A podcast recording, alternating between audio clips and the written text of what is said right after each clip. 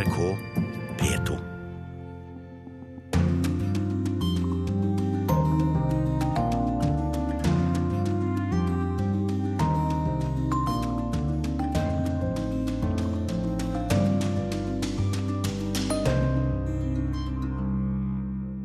Det er ikke sant at britene er de første som melder seg ut av EU. Ett land har gjort det før.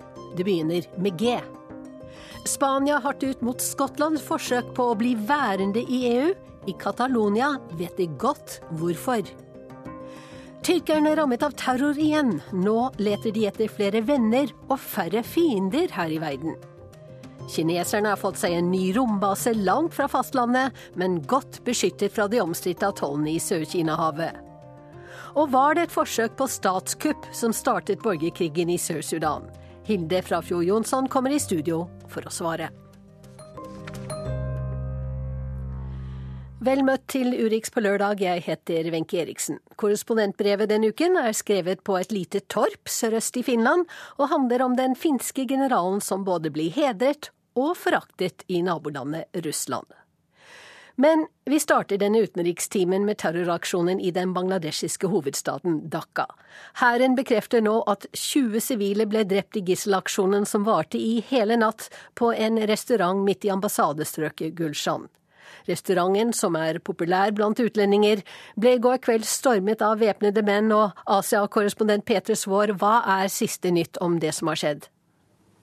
Ja, De siste opplysningene er altså som du sier at 20 nå er eh, drept i gisseltakingen på dette bakeriet Holy Artisan, som startet ved 21-tiden i går kveld, akkurat idet folk skulle bryte fasten nå under ramadan. Det var om lag ti gjerningsmenn som angrep eh, bakeriet, populært blant utlendinger. De skal ha tatt om lag 35 gisler der inne.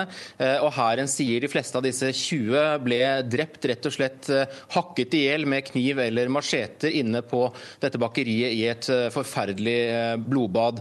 Eh, dette er jo den verste terroraksjonen nå i manns minne i Bangladesh. Det er et land hvor regjeringen til nå hardnakket har hevdet at internasjonale terrorgrupper ikke har fotfeste. Eh, selv om dette angrepet kommer etter over 40 drap de siste tre årene på sekulære bloggere, intellektuelle, forfattere, homoaktivister og prester fra minoritetsreligiøse grupper. Er det kommet noen flere opplysninger om eh, hvem det er som er drept, nasjonalitet eh, osv.? Ja, De fleste av ofrene virker å være lokale fra Bangladesh, men det skal også være sju japanere blant dem. Usikkert hvor mange av dem som har blitt reddet. Det skal også være italienske statsborgere, men dette bildet er ikke helt klarlagt enda. Eh, men det er liten tvil om at bakeriet ble angrepet nettopp fordi det er et populært område for utlendinger. Og disse gislene har jo nå vært gjennom et tolv timer langt mareritt eh, gjennom natten, eh, inntil hæren valgte å gå tungt inn i en dramatisk redningsaksjon i morgen morgentimene, hvor det også ble utløst flere eksplosjoner. Som du nevnte i stad, så er det da, dette da den første større terroraksjonen i Bangladesh etter en lang rekke angrep på enkeltpersoner. Ehm, hvem står bak, vet man det? Det er nå et veldig viktig og et veldig betent spørsmål. Eh, Bangladesh har som nevnt altså vært rystet av mange eh, enkelthendelser, drap, siden 2013, selv om regjeringen har hevdet at dette er lokale islamistgrupper med politiske mål, at det er den politiske opposisjonen som står bak. Landets justisminister hevdet endog for en måned siden at det hele var en internasjonal konspirasjon, og antydet at den israelske sikkerhetstjenesten Mossad sto bak for å få kastet regjeringen. Eh, men dette er jo nå det første store, koordinerte terrorangrepet i Bangladesh. Det vil bli reist nye spørsmål nå. Fikk gjerningsmennene instruksjon? Fikk de hjelp, trening utenfra? Er det utenlandske statsborgere blant dem? Eh, nå tar jo IS på seg ansvaret for eh, denne aksjonen, og det som styrker deres påstand, er at blodige, ganske grufulle bilder inne fra denne kafeen nå i morgentimen er publisert på propagandanettstedet Amak, som er knyttet til IS. Eh, og flere svar får vi forhåpentligvis etter hvert. Takk til deg, eh, Peter Svår.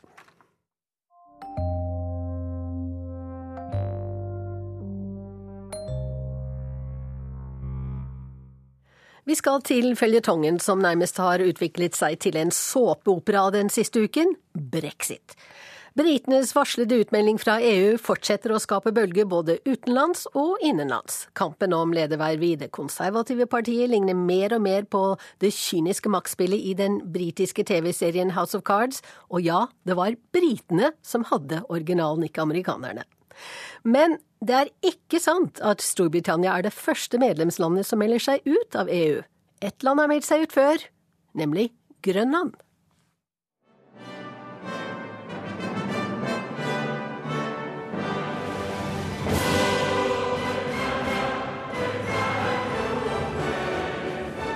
Ja, de ville bestemme mer over seg selv.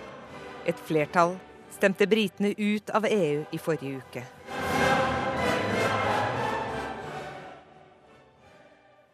Det samme ville Grønland. 70% stemte mot medlemskap i 1972, men de ble ikke hørt, for Grønland var en del av Danmark på den tiden. Og de tvang dem inn. Etter hvert startet statsministeren på den grønne øya Jonathan Motsfeldt en kamp for selvstendighet. Grønland er ikke en del av Europa. Og for fisken som EU hadde fått kroken i. Sønnen til hvalfangeren ville ut av det europeiske fellesskapet, selv om det skulle koste, fortalte han NRK i 1979. Pengene er jo ikke alt for oss. Vi vil gjerne ha en politisk selvstendighet her oppe, og det kan selvfølgelig også koste et par, måske et par kroner og øre i, i forhold til EF. For det var EF, Det europeiske fellesskap organisasjonen het den gang. Frankrike, daværende Vest-Tyskland, Italia, Belgia, Nederland og Luxembourg var medlemmer. Og mens Grønland ville ut, var det en helt annen melodi i det britiske folket på den tiden. De ville inn i EF-varmen.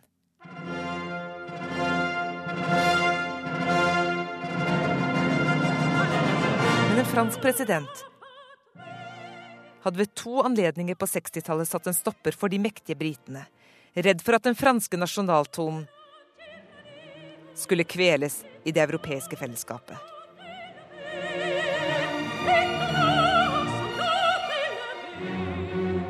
faut convenir que l'entrée de la Grande-Bretagne d'abord, et puis ceux de ces États-là, Vil ikke det at England blir med og dernest de andre statene føre til en total forandring av overenskomster og regler som allerede er inngått mellom de seks? Fordi alle disse landene har selv svært store særinteresser, spurte de Gaulle i en tale til folket i 1969. importante particularité. Alors, c'est un autre marché commun. Men Storbritannia fikk stemt seg inn etter at de Gaulle gikk av som president. Og Grønland fikk etter mange år på plass en folkeavstemning. I 1982 stemte 52% av grønlenderne for å gå ut av det europeiske fellesskapet. Akkurat det samme tallet som ved britenes valg i forrige uke. Men Grønland var da en del av en konstruksjon som gjorde utmeldingen lettere, forteller den danske jusprofessoren Henning Bang Fuglsang Sørensen fra Odense. Det betyder også, at øh, den måde Grønland kunne træde ud af EU på, var jo en, øh, en noget mere taknemmelig fremgangsmåde, end den britterne kan se frem til.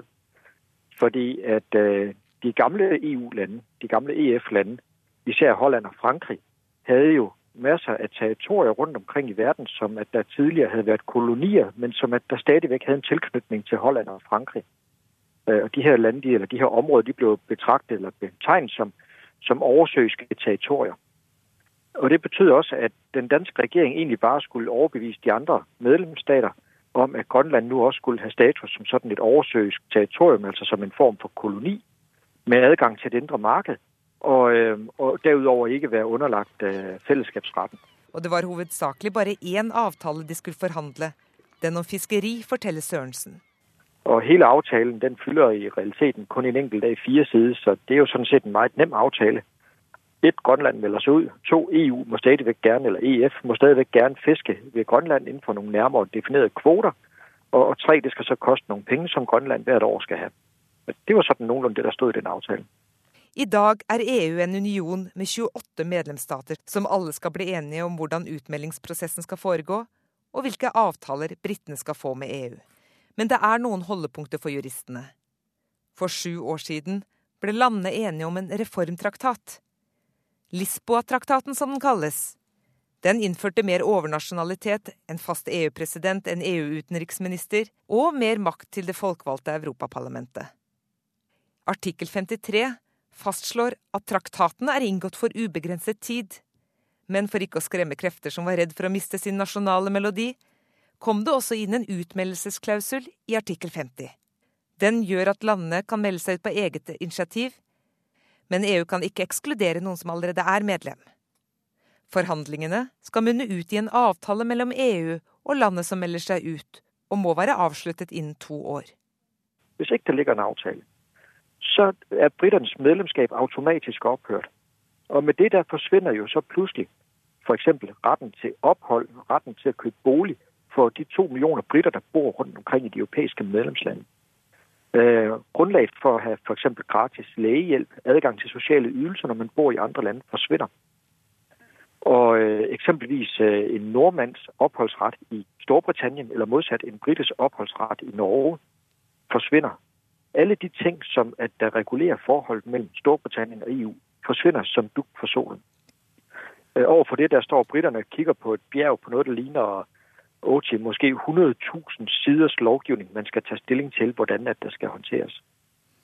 Og For å så gjøre det hele riktig svært, så er vi faktisk for å være helt ærlig, i tvivl om hvorvidt, øh, eller hvor mange av de her avtaler som man bagefter kan be EU-domstolen om å kontrollere om, øh, om lovligheten av. Sørensen tror det er disse konsekvensene som gjør at Storbritannia vil vente lengst mulig med å sende utmeldelsesbrevet sitt til Brussel.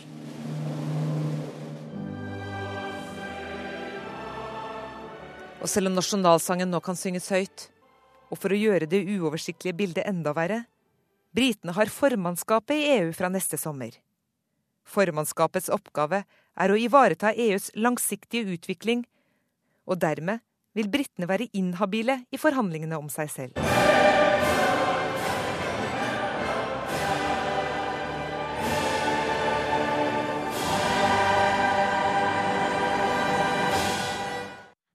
Det var eh, Maria Hasselgaard som hadde laget denne saken. Spanias fungerende statsminister Mariano Rajoy rykket i uvanlig skarpe ordelag hardt ut mot Skottlands forsøk på å bli værende i EU denne uken. Og i Catalonia vet de veldig godt hvorfor, for der ser de som kjemper for selvstendighet, nettopp til Skottland for inspirasjon.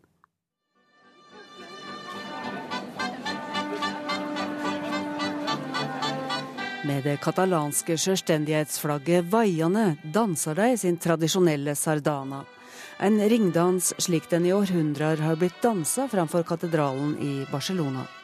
For katalansk identitet har alltid blitt annullert av Madrid, sier en som danser. Por el hecho de la identidad catalana, que ha. Det koker på Katedralplassen. Det er ikke bare den vante profesjonelle danseringen som står der framfor orkesteret på elleve, det såkalla kobla, men mange spontant organiserte danseringer rundt om på plassen. De danser hand i hand og med heva armer i mjuke trinn og skiftende rytme. En tradisjon som går tilbake til romersk tid. Opprinnelig har de også brukt sekkepiper, og det er ikke det eneste de har til felles med skottene.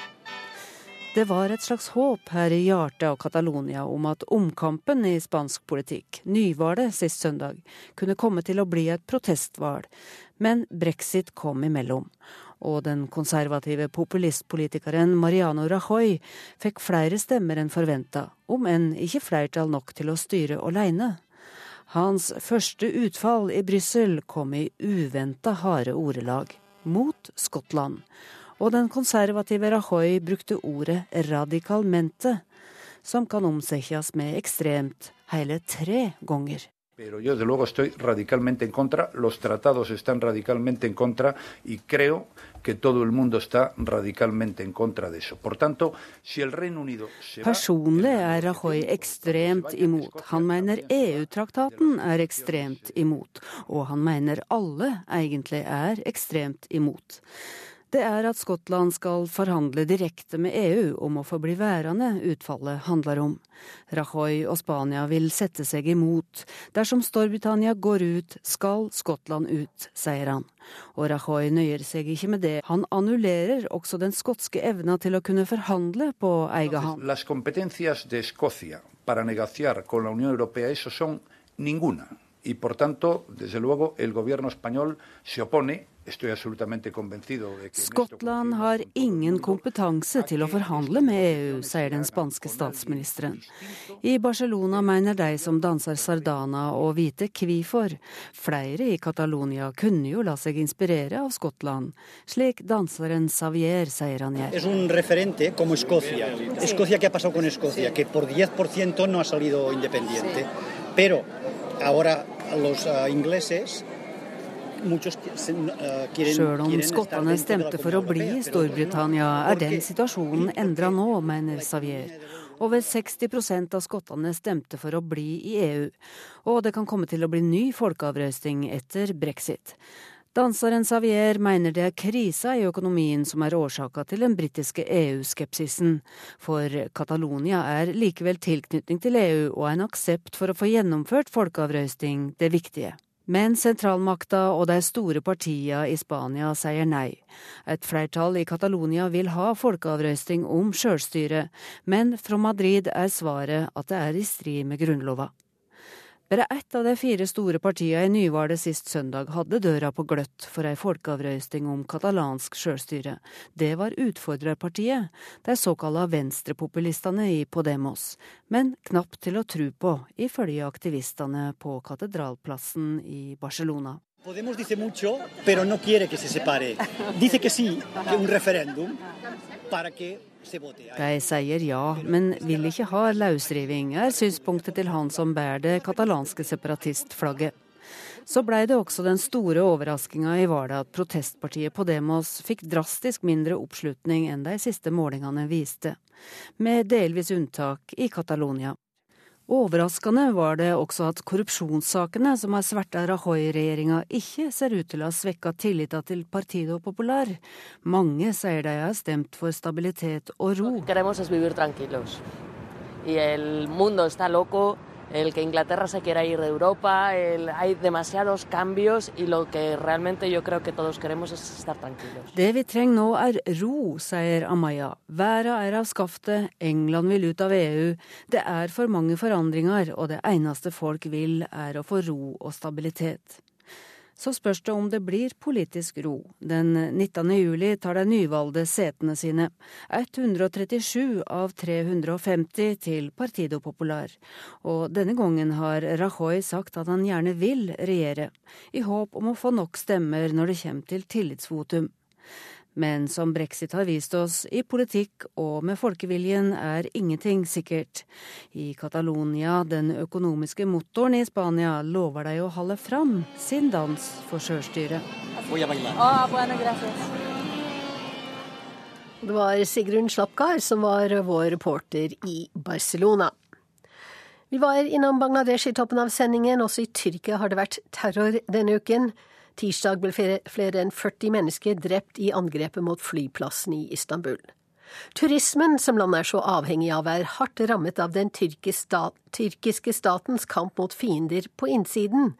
Men eh, samtidig gjør Tyrkia nå hva de kan for å skaffe seg flere venner internasjonalt. Denne uken har tyrkiske diplomater og toppolitikere forsøkt å begrave opptil flere stridsøkser på en gang, forteller Tore Moland. Med hver sin bukett røde nelliker står de tause i en lang kø. Unge russere har kommet i flokk til den tyrkiske ambassaden i Moskva for å legge ned blomster. Det er dagen etter at 42 mennesker ble drept i et terrorangrep mot flyplassen i Istanbul.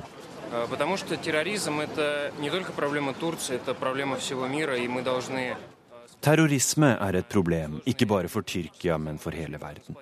Vi må stå sammen mot terror på tross av de geopolitiske vanskelighetene oss imellom, sier Mikael fra Moskva. Dermed har han indirekte forklart også hvorfor TV-kameraene er her. Tyrkia og Russland er nemlig egentlig ikke på talefot. Ikke før nå.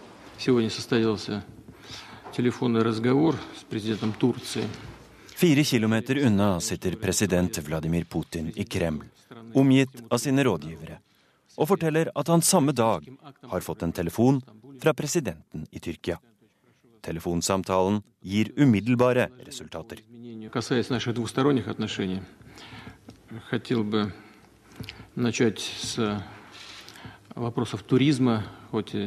Jeg har beordret russiske myndigheter til å sette i gang arbeidet med å normalisere forbindelsene med Tyrkia. Vi begynner med å fjerne restriksjonene på reiser og turisme, sier Putin. И прошу правительство Российской Федерации начать процесс нормализации торгово-экономических связей с Турцией в целом. Siden november i fjor har det ikke vært lov for russere å reise på pakketur til Tyrkia, og tyrkiske visum til Russland har vært suspendert. Forholdet mellom de to gamle allierte har vært elendig.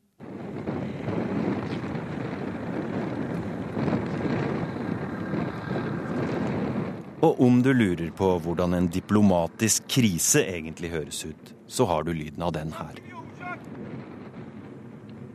Datoen er 24.11.2015, og det du hører, er et russisk jagerfly som er skutt ned, og som styrter i flammer nær grensa mellom Tyrkia og Syria.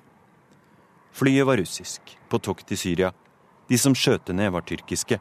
Og piloten, som hoppet ut i fallskjerm, ble rett og slett tatt til fange og skutt. Rusya ile ilişkilerimizi yeniden geliştirme konusunda gönderdiğim mektupla vardığımız mutabakatın her iki ülkenin de hayrına olacağına inanıyorum. Jeg har sagt nå at jeg er lei meg for det som skjedde, sier Tyrkias sterke mann, president Recep Tayyip Erdogan, som både har skrevet brev og ringt til Putin denne uka. Tida har kommet for forsoning og nytt samarbeid i regionen, for å legge bak seg en situasjon som ingen av partene egentlig har noe å tjene på, mener Erdogan.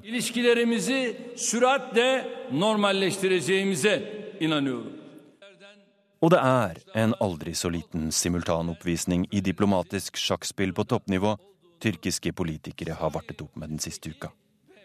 I tillegg til å forsøke å normalisere forholdet til Russland, er Tyrkia også i ferd med å bli venner med Israel igjen.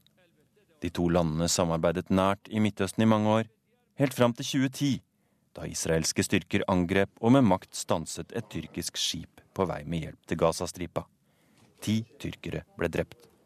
Siden har Tyrkia og Israel ikke vært på talefot, men nå er de i ferd med å utveksle ambassadører igjen. ישראל הגיע להסכם בעל חשיבות אסטרטגית למדינת ישראל, לביטחון, ליציבות האזורית, לכלכלת ישראל. Dette er en avtale med strategisk betydning for staten Israel for sikkerheten og for stabiliteten i regionen, sier Israels statsminister Benjamin Netanyahu. Biz ilişkilerin normale dönüştürülmesini konuşuyoruz. Dette betyr en normalisering av de diplomatiske forbindelsene. Og så snart de er på plass, kan vi samarbeide også om en gassavtale, sier den nye tyrkiske statsministeren Binali Yildirim. Åpenbart har han et øye for politiske resultater som også kan måles i tyrkiske lire og han er den som kanskje enklest og best har satt ord på Tyrkias diplomatiske sjarmoffensiv.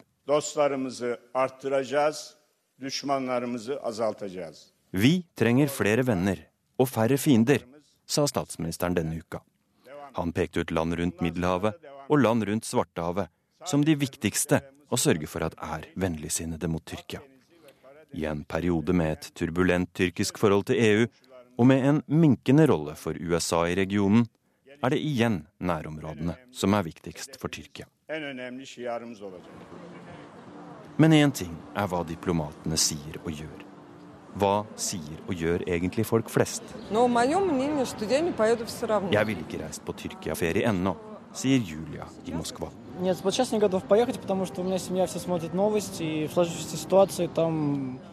Nei, det er kanskje både ledig og billig, men det er for farlig nå, sier Georgi. Vi ser det jo på nyhetene. Det er fortsatt terrorangrep der, og det er fortsatt farlig. Men kanskje neste år? Nå skal vi østover, helt til Kina. Kineserne har nå tatt i bruk sin nye rombase på øya Hainan. De har ventet veldig lenge med å utnytte øya til dette formålet, og en av grunnene til at ventetiden nå er over, har med situasjonen i Sør-Kina-havet å gjøre. Det forklarer Halvard Sandberg mer om.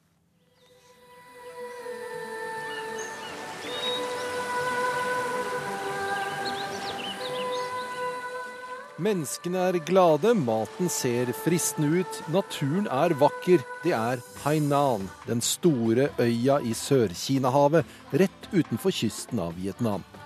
Det kinesiske turistbyrået sender regelmessig ut slike reklamevideoer, og det ser ut til å virke, for vi kan slå fast at USA har sitt Hawaii, og Kina har Hainan. Men sammenligningen stopper ikke der stopper ikke med palmer, hvite strender og turisthotell, for Hawaii er også kjent for Pearl Harbor, hjemmebasen til den amerikanske stillehavsflåten, og Hainan har ganske så stille og rolig blitt hjemmebasen til den kinesiske flåten i Sør-Kina-havet. Du vet, havområdet med de mange øyene som Kina mener de eier, men som naboene også mener de eier. Det vil si et område med et stort potensial for væpnet konflikt. Ja, ja, 光学、雷达跟踪正常，遥测信号正常，文昌微信正常。Men Hainan har denne uken fått mer, og som et intelligent menneske sa en gang, alt henger sammen med alt.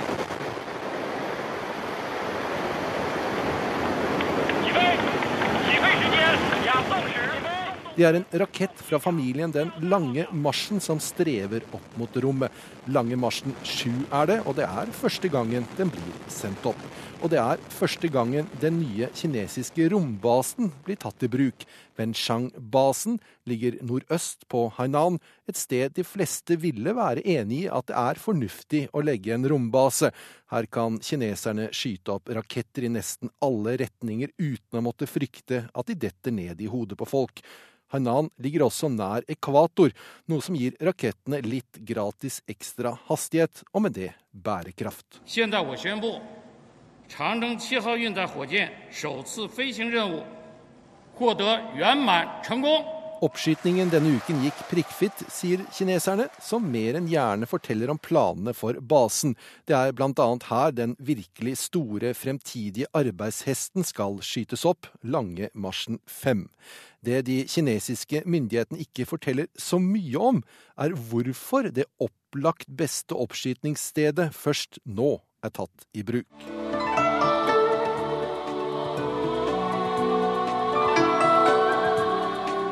Hainan, som vi kan se av reklamevideoene, er en øy langt sør for det kinesiske fastlandet. Den kinesiske doktrinen til nå har vært å ikke plassere særdeles viktig forsvarsmateriell på strandkanten. Startrampen til Lange Marsjen 7 ligger 900 meter fra bølgene. Og det er utvilsomt forsvarsmateriell. Fra her skal det også sendes opp militære satellitter.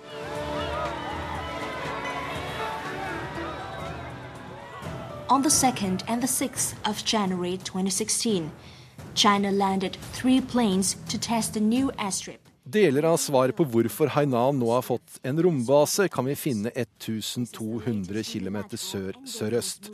Den lille atollen Feary Cross Reef har blitt en festning. Flystripe, kaserner, overvåkningsutstyr og sikkert mye mer som vi ikke vet noe om. Denne og de andre befestede atollene i Sør-Kina-havet har ført til at den første kinesiske forsvarsmuren, muren av sand som de kaller den, nå ligger langt unna Hainan. Det er ikke tenkelig at amerikanske krigsskip plutselig skal dukke opp utenfor rombasen og skyte ned rakettene mens de er på vei opp. This will complicate the regional situation. Men dersom du tror at atollene i Sør-Kina-havet er befestet pga. rombasen Wenchang på Hainan, tar du nesten helt feil. Bortsett fra ønsket om å vise suverenitet i området, så handler det hele mye mer om andre raketter.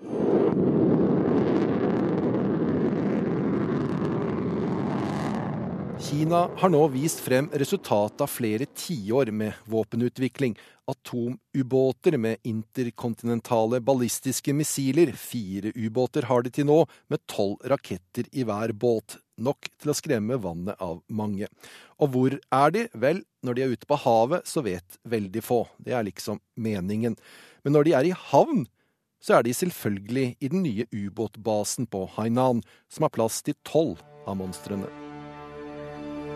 清晨的军港笼罩在雾气中，海浪轻轻拍打着岸堤， ubåtbasen og den nye basen for kinesiske hangarskip, og basen for de merkverdig godt utstyrte nye kystvaktskipene og de nye kinesiske destroyerne ligger alle på Hainan.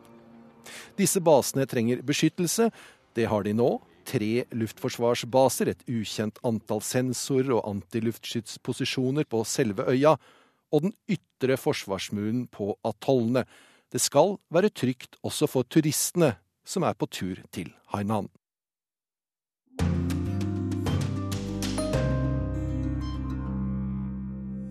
Du hører på Urix på lørdag i NRK P2.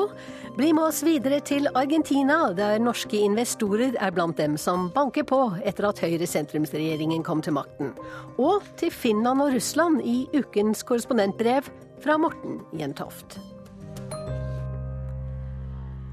Var det et forsøk på statskupp som startet borgerkrigen i Sør-Sudan? Og hvem skal ha skylden for at fredsprosessen nærmest står i stampe? Kanskje kan Hilde Frafjord Jonsson svare på det. Hennes bok South Sudan, The Untold Story, ble lansert i London og Genéve siste uke, og skal lanseres Nairobi, i Nairobi til uken. Og her går hun inn på hva som gikk galt, og hvorfor. Fram til 2014 var hun FNs stedlige representant i Sør-Sudan, og nå sitter hun her i studio. Velkommen til deg. Men uh, før vi snakker videre med deg, skal uh, Tom Christiansen gi oss litt av bakgrunnen. I begynnelsen av juni sto et merkelig brev på trykk i New York Times. Det var undertegnet Salva Kiir og Rek Mashar. I et selvransakende språk ba de om forsoning. Det som holdt oss sammen i krigen, sto det, var ikke lett å holde sammen etterpå. Det kollapset i 2013, bare to og et halvt år etter at de ble en egen nasjon. Men nå, skriver de, etter en fredsavtale i august i fjor, er vi igjen brødre, og vi skal forsone vårt samfunn. Men denne fredsprosess trenger internasjonal oppfølging. Så foreslår de å opprette en nasjonal sannhets- og forsoningskommisjon etter modell av Sør-Afrika. Ikke for å tilgi, men for å bygge framtida på dem som faktisk begikk forbrytelsene. Å gå justisens vei vil bare vedlikeholde det hat og sinne som fins i Sør-Sudan, skrev presidenten og visepresidenten sammen. Men det var bare en hake ved brevet. Det var ikke ekte. Riek Mashar hadde aldri sett det, sa han, selv om presidentens pressetalsmann hevdet det motsatte. Brevet var forfattet av et PR-byrå i Washington, viste det seg, bestilt av Salva Kiir. Det var nok et eksempel på manglende samarbeid og fredsvilje, for de er tvunget til å holde ut med hverandre. Kan det bli noe av den fred de har signert på? Norge er medansvarlig for at fredsprosessen går videre og lykkes. Sammen med USA og Storbritannia er Norge utpekt som fødselshjelper og dernest fadder til denne nye nasjon, den såkalte troikaen og oppgaven er delikat å forsone to menn som begge burde vært stilt for Den internasjonale straffedomstolen. Hva har troikaen gjort for å forsone disse to menn? Hva har de gjort for at fredsprosessen ikke skal gå av sporet? Har de overhodet forsøkt å forsone Salva og Riek? Utenriksminister Børge Brende sa i Stortinget i fjor at Norge er tungt politisk engasjert. Det året brukte Norge 472 millioner kroner i Sør-Sudan. En tredel gikk til det som i budsjettet kalles godt styresett, og han lovet at det skulle fortsette. Men den såkalte Sør-Sudan-desken i Utenriksdepartementet står nærmest tom. Norges spesialutsending til Sør-Sudan, Jens Petter Kjemperud, er blitt ambassadør i Nigeria. Andre sentrale byråkrater er sendt til ambassader fjernt fra Sør-Sudan. Kunnskapene og kontaktnettet er borte. Likevel bedyrer UD at engasjementet fortsatt skal være på plass, ja, i en rekke avdelinger i departementet. I en e-post til NRK skriver UD. Norge vil fortsette sitt langvarige engasjement for fred og utvikling i Sør-Sudan, og vil sikre at kapasitet og kompetanse, både i Utenriksdepartementet og ved ambassaden i Juba, står i forhold til utfordringene og norske bidrag inn i fredsprosessen. Sannheten er kanskje at hjelperne er gått lei. De har forhandlet og finansiert en forsoning som Salwa Kiir og Riek Mashar selv ikke har vist noen interesse for. Hvor mange milliarder skal brukes på to menn som først og fremst tenker på seg selv mens folket blør? Ja, Hilde Frafjord Jonsson, det er jo et betimelig spørsmål Tom Christiansen stiller. Begynner ikke det internasjonale samfunnet å gå lei dette gjennomkorrupte land med svært dårlig lederskap? Jeg tror det er veldig mange som går lei. Og det som eh, Tom Christiansen sa helt på slutten, eh, at man skal bruke milliardene på de to, det er, gjør man jo ikke i dag. Og det har man aldri gjort. Man har stort sett brukt bistandskanaler utenom staten, nettopp pga. korrupsjonen. Og man har stort sett nå gitt hovedvekten av støtten til humanitær bistand. Så jeg vil bare, Det er ikke jeg som er Børge Brende her, men jeg vil bare presisere det. At eh, det er viktig å, å si. Når det gjelder dette spørsmålet om man skal fortsette å holde eh, engasjementet oppe, så er det bare én grunn eh, til det for, for, meg. Det er at dette folket, som har lidd eh, under 50 år med borgerkrig nesten, eh, har nå vært igjennom den aller verste fasen i eh, denne eh, lange, lange krigsperioden. Nemlig det som har skjedd de siste eh, tre-fire årene. Og det de fortjener, er vår oppmerksomhet. Det er ikke at vi gjør som lederskapet og svikter dem. Så det er en grunn til at vi skal fortsatt prøve å sikre stabilitet og fred i dette landet. For hvis ikke, så er det de som er taperen. Lederne klarer alltid å komme seg unna. Boka di heter uh, South Sudan The Untold Story. Hva er den ufortalte historien om Sør-Sudan? Boken forteller egentlig historien om hva som har skjedd i lederskapet i SPLM, altså i denne frigjøringsbevegelsen som så ble et politisk parti og et regjeringsparti. Den forteller også hva det var som skjedde bak kulissene i forkant av krisen som brøt ut i desember 2013, da en politisk maktkamp mellom disse to, og egentlig en tredje fraksjon i partiet, slo ut i vold etnisk vold og deretter borgerkrig. Så det forteller bakgrunnshistorien for det. Var det et forsøk på statskupp? Nei, det var ikke et forsøk på statskupp. Det var heller ikke et forsøk på folkemord, som andre har prøvd å si. Eh, det var heller ikke en intensjon om at nå skal vi gå til krig mot hverandre. Eh, egentlig var det et, en følge av veldig mange høyrisikohandlinger i maktkampen som førte til at temperaturen steg til et nivå som gjorde at eh, bare en fyrstikk skulle til før det, før det sto i, i, i, full flamme. Og, og, det skjedde. Var det noe du og FN kunne ha gjort eh, for å få til en annen utvikling? Som jeg sier i boken, jeg tror vi alltid kan gjøre ting bedre, og at det er ting vi kunne ha gjort eh, som kunne kanskje ha bidratt til å gjøre unngått den, men jeg tror ikke vi kunne ha unngått det forløpet vi har sett. For det var eh, veldig grunnleggende eh, motsetninger som selv ikke en, eh, en tilstedeværelse av en tung fredsbevarende operasjon eh, og et sterkt politisk engasjement som jeg hadde, men også regionen hadde, klarte å stanse. Eh, det er først og fremst en grunnleggende svikt i lederskapet på tross av fraksjonene som førte til denne konflikten.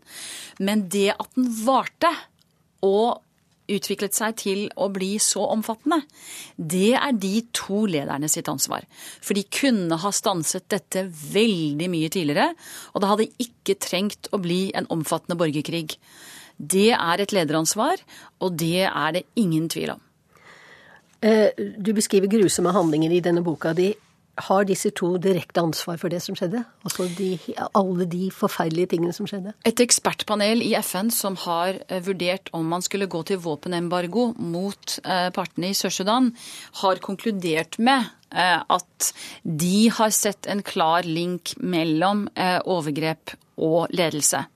Altså en kommandolinje, direkte eller indirekte. Det er ikke et spørsmål som jeg har kunnet etterforske og komme med en konklusjon om, så det må internasjonale eh, domstoler gjøre. Men det er ingen tvil om at det politiske ansvaret er klart og entydig. Eh, og det betyr at eh, ansvarlighet i forhold til eh, de overgrep som er begått, er utrolig viktig for at forsoning skal kunne skje. Det innebærer at det som man har foreslått i Den afrikanske union, og som faktisk begge parter har akseptert, nemlig en domstol som skal bestå av sørsudanske og internasjonale afrikanske dommere, de skal være de som har ansvar for rettsprosessen og rettsoppgjøret etter dette. Eh, det er eh, avgjørende at det skjer. Da sier vi takk til deg, Hilde Frafjord Jonsson.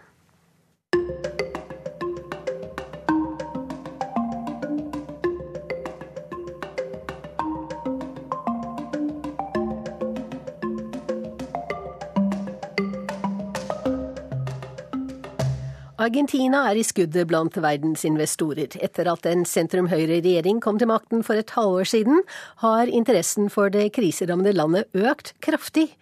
Og denne uken er det Norge som har banket på døra, med en delegasjon ledet av utenriksminister Børge Brende. Reporter Arnt Stefansen har sendt oss denne reportasjen fra Buenos Aires. Utenriksminister Susanna Malcorra ønsker sin norske kollega velkommen til Argentina. Hun er en sterk kandidat til å bli FNs nye generalsekretær, men nå er det hjemlandets fremtid som gjelder.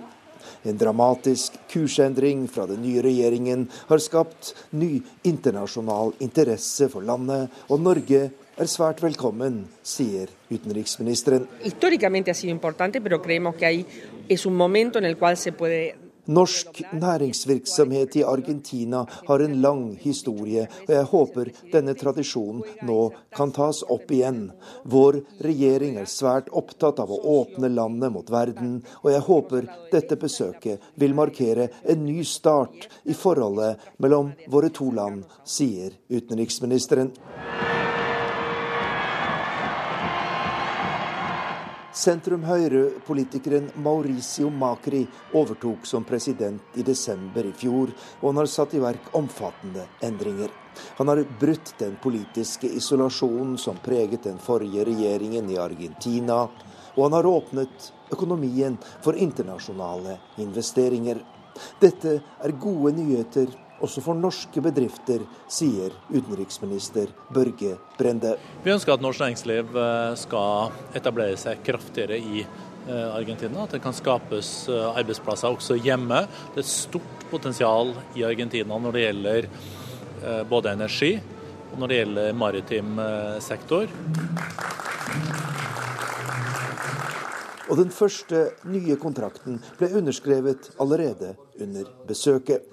Kongsberg Satellite Services, som er verdensledende innen satellittovervåkning i polområdene, skrev under en avtale med et argentinsk selskap om bygging av en ny bakkestasjon i det sørlige Argentina. Administrerende direktør Rolf Skattebø forklarer hva avtalen innebærer. Jo, det betyr at vi får et veldig effektivt system for å eh, overvåke bl.a.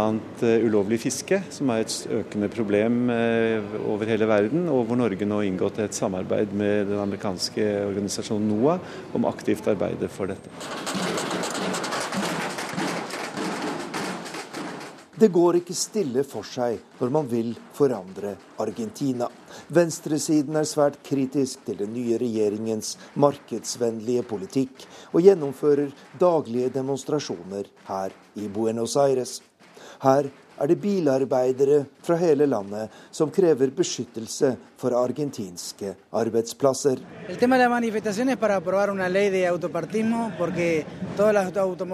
Vi krever at man vedtar en lov som gjør at argentinske bilfabrikker bruker nasjonale underleverandører i stedet for å kjøpe bildeler fra utlandet, sier en av lederne for demonstrasjonen, Roberto Oliveira. Og selv om dette er i strid med regjeringens politiske grunnsyn, så har den gått med på et kompromiss som gir skattefordeler for bedrifter som kjøper sine bildeler i Argentina. Det er viktig å også ta sosiale hensyn, sier utenriksminister Børge Brende. Det forventes at man nå gjennomfører reformer som får tilbake vekstkraften i argentinsk økonomi. Man skaper jobber som er viktig, men også så må de ta på alvor de ulikhetene som eksisterer i dette samfunnet. So, Rundt 120 forretningsfolk er til stede på et næringslivsseminar som holdes i forbindelse med det norske besøket. En solid bekreftelse på at interessen for norsk-argentinsk samarbeid er stor. Men forretningsfolk med lang erfaring fra Latin-Amerika advarer mot overdrevne forventninger i det argentinske markedet. Her er Kjetil Solbrekke leder for firmaet Rysta Energy i Brasil. Jeg har nok en følelse av at det, det, er veldig store forventninger i hvert fall til hva som skal skje veldig fort. Og jeg tror som sagt at det kommer til å ta litt mer tid. Men jeg er veldig imponert av den nye regjeringen. Veldig imponert av uh, hvor klart de ser uh, hva som skal skje, og hvor klart de også ser behovet for å fortsette en del sosiale programmer, som jeg tror egentlig kommer til å være helt vesentlig for å klare å ha en politisk oppslutning til å gjennomføre de endringene som må gjøres. En finsk general som både blir hedret og foraktet i Russland, og et torp sørøst i Finland. Begge får du høre mer om i ukens korrespondentbrev. Avsender er Morten Jentoft. Den ble avduket med vanlig russisk pomp og prakt, den svarte minneplaten med relieffer satt opp på den massive veggen til det militære transportakademiet på Vasiljevskijøyen i St. Petersburg en av Russlands nest største bys største nålevende søndag. sjefen for den russiske presidentadministrasjonen, Sergej Ivanov, holdt en kort tale, og arrangementet fikk god dekning i media, i alle fall lokalt. Men bare noen dager etter var minneplaten tilgriset med rødmaling, og når dette skrives, er den dekket av sort plast. Minneplaten er tilegnet Carl Gustav Mannerheim i Norge, kanskje best kjent som finsk general og president som ledet det finske forsvaret under to blodige kriger nettopp mot Russland, eller Sovjetunionen som landet den gang het, fra 1939 til 1944. Mindre kjent er det at Mannerheim gjorde karriere i den russiske tsarens armé. Finland var en del av Russland fra 1809 fram til landet ble selvstendig i 1918. Det var dette Sergej Ivanov og russiske myndigheter ville trekke fram gjennom å sette opp denne minneplaten i St. Petersburg, byen Mannerheim også gjorde til sin i den tiden han tjenestegjorde som offiser under tsaren. Sergej Ivanov kjenner denne historien svært godt gjennom sin tid som offiser i det hemmelige sovjetiske politiet KGB, der han i en periode var stasjonert i det enorme ambassadekomplekset på Fabriksgaten i Helsingfors. Kanskje tenkte Ivanov at avdukingen av denne minneplaten ville være en fin gest overfor Finland etter flere år med sanksjoner og splittelse i Europa, noe som også har rammet de tradisjonelt gode finsk-russiske relasjonene. Også i Finland ble avdukingen positivt mottatt, som et tegn på at ikke alt går feile veien i det store nabolandet i øst. Men snart rant altså rødmalingen nedover det morske ansiktet til Carl Gustav Mannerheim og ned på ordenene og utmerkelsene som han hadde fått gjennom karrieren i den russiske keiserlige armé, der han til slutt endte som general og sjef for en hel divisjon. Noen i St. Petersburg likte tydeligvis ikke tanken på at en finsk general, riktignok med karriere i Russlands tjeneste, på denne måten ble hedret i Russland. Ingen har tatt direkte på seg ansvaret for hærverket mot Mannerheim minnesmerket i St. Petersburg, men få tviler på at det er personer som står nær de russiske nasjonalistene og kommunistene som står bak, og som nå bruker denne saken for det den er verdt, for å skaffe seg oppmerksomhet. Det er parlamentsvalg i Russland i september. Kommunistiske medlemmer av det russiske parlamentet Dumaen har beskyldt russiske myndigheter for å lefle med nazismen gjennom å sette opp en minneplate for Mannerheim i Russlands nest største by. Dette korrespondentbrevet ble skrevet på terrassen utenfor vårt lille, røde hus sørøst i Finland. Solen skinner, fremdeles er det noen fugler, blant annet en gjøk som gir lyd fra seg. Borte fra badstuen stiger røyken opp. Nede i kjelleren står en øl fra det lokale bryggeriet klar. Det var like etter at jeg kom med toget fra Moskva sist helg jeg ble oppmerksom på striden i St. Petersburg rundt minneplaten tilegnet Carl Gustav Mannerheim. Noe av det fineste med å være på ferie her i Finland, er de rolige morgenene med aviser som enn så lenge fremdeles kommer med eget bilbud langs grusveiene hit inn i skogbrynet hver eneste morgen ved femtiden. Det er der jeg leser historien om Mannerheim og hans omstridte minneplate i St. Petersburg. Carl Gustav Mannerheim var født inn i en adelig finlandssvensk familie i 1867. Økonomiske problemer i familien var en av årsakene til at han satset på en karriere i den russiske armé.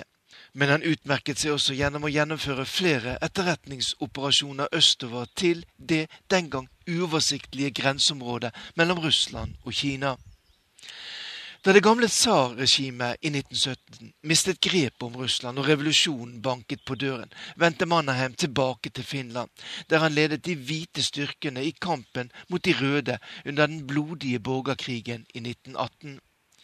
Han var mannen bak en omstridt fullmakt som åpnet for vilkårlige henrettelser av røde, noe mange mener gjorde denne krigen til det mest tragiske kapittelet i nyere nordisk historie. Seinere prøvde Mannerheim å stoppe blodbadet, men ble likevel blant de røde taperne av borgerkrigen sett på som selve slakteren, hovedansvarlig for at mer enn 30 000 av deres egne mistet livet etter vilkårlige rettssaker og under umenneskelige forhold i fangeleire. For balansens skyld skal det legges til at også de røde var ansvarlig for grusomme handlinger, og at knapt 6000 hvite mistet livet i løpet av den blodige våren 1918. Sporene etter Mannerheim finnes fremdeles i det finske samfunnet, også her i den lille bygden hvor vi har etablert oss på et lite torp. Her bodde en gang Sylvi og Veinu Laiho, før Sylvi på begynnelsen av 1990-tallet ifølge lokale kilder nærmest ble båret av gårde til gamlehjemmet. Jeg har ennå ikke hatt tid til å grave helt til bunns i denne historien, men vet at faren til Veinu Laiho tilhørte de røde, men kom fra borgerkrigen med livet i behold. Carl Gustav Mannerheim red i mai 1918 gjennom den finske hovedstaden Helsingfors som en seierherre og den ubestridte leder for det nye, selvstendige Finland. Men han valgte så å trekke seg tilbake fra aktiv politikk. Etter at han hadde fått 1918 på avstand, tok han også til orde for forsoning i det finske samfunnet. Denne forsiktige holdningsendringen blant de hvite i Finland gjorde nok sitt til at den fattige Laiho-familien på 1920-tallet fikk tildelt det lille jordstykket som i dag er vårt sommerparadis. Men jeg tviler på at det strenge portrettbildet av Mannerheim fikk plass på veggen i den trange stuen til familien Laiho. Carl Gustav Mannerheim var altså en del av det gamle regimet i Russland, og så med forakt på det nye sosialistiske og kommunistiske Sovjet-Russland som vokste fram etter revolusjonen i 1917. Han advarte mot en ny krig, og den kom 30. november 1939. Både under vinterkrigen og fortsettelseskrigen fra 1941 ledet Mannerheim den finske armeen i kampen mot Sovjetunionen fra 1941 som alliert med Hitlers Nazi-Tyskland, der finnene også var med på å slutte ringen rundt St. Petersburg, som den gangen het Leningrad. Bildene av Hitler på et kort besøk i Finland 4.6.1942 i forbindelse med Mannerheims 75-årsdag er blitt hengende ved den finske generalen, som et symbol på hans og finnenes samarbeid med nazismen. Men samtidig deltok ikke den finske armeen i direkte bombardement av Leningrad, og Mannerheim sørget i 1944 for å få Finland ut av krigen, samtidig som finnene jaget tyskerne ut av Lappland. Carl Gustav Mannerheim døde i 1951, men vekker altså fremdeles sterke følelser, nå også i Russland. Hans karriere i tsarens armé har i mange år fascinert også russiske forskere, og det er utgitt flere bøker på russisk om hans liv i Russland fram til 1917. I Russland er det i dag en enorm interesse knyttet til tsarregimet og det som defineres som den russiske storhetstiden fra Alexander den førstes seier over Napoleon i 1812 fram til bolsjevikenes mord på tsarfamilien i Jekaterinburg natt til 18. juli 1918. Det er i denne sammenheng vi må se Sergej Ivanov, kulturminister Vladimir Medinsky og andre i den russiske politiske ledelsens interesse for den finske generalen, og vedtaket om å sette opp en minneplate for ham i St. Petersburg. Men det disse politikerne kanskje ikke var helt klar over, var at de med dette også utfordret andre krefter i det russiske samfunnet, som tradisjonelt støtter opp om dem og resten av regimet til president Vladimir Putin. Når dette korrespondentbrevet høres og leses av dere hjemme i Norge, har den russiske presidenten Vladimir Putin nettopp vært på besøk i Finland for første gang siden 2013. Putin, som uforskjeldt skal ha sagt at han har mye til overs for nettopp Mannheim, har hatt en åpen dialog gående med sin finske kollega Sauli Ninistø gjennom hele den krisen som har vært siden Russland i mars 2014 annekterte den ukrainske Krimhalvøyen. Den russiske historikeren Lev Lorje sier til den finske avisen Helsingin Sanomat at alle som kjenner krigshistorien, vet at Mannerheim kunne deltatt i et direkte angrep på, og kanskje også okkupert Leningrad, om han hadde villet. Men i det tilspissede politiske klimaet som er i Russland akkurat nå, er alt som kan forbindes med nazismen og Sovjetunionens motstandere under annen verdenskrig, mistenkeliggjort. Og her er det ikke mye plass for nyanser, og det vet gammelkommunistene og deres støttespillere. Derfor brukes nå Mannerheim-minnetavlen i et politisk spill, der det er om å gjøre å vise hvem som var mest patriotisk i Russland. Det er trolig derfor myndighetene i St. Petersburg har valgt å pakke Mannerheim inn i plast, i alle fall inntil videre.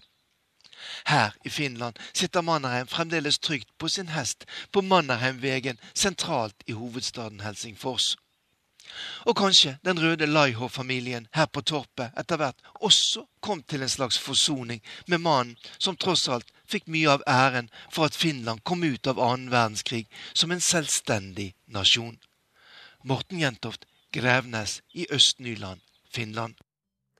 Med det var det slutt på Urix på lørdag. Teknisk ansvarlig har vært Lisbeth Sellereite, produsent Amalie Frøystad Nærø, og her i studio satt Wenche Eriksen. Vi sier takk for nå, og fortsatt god helg.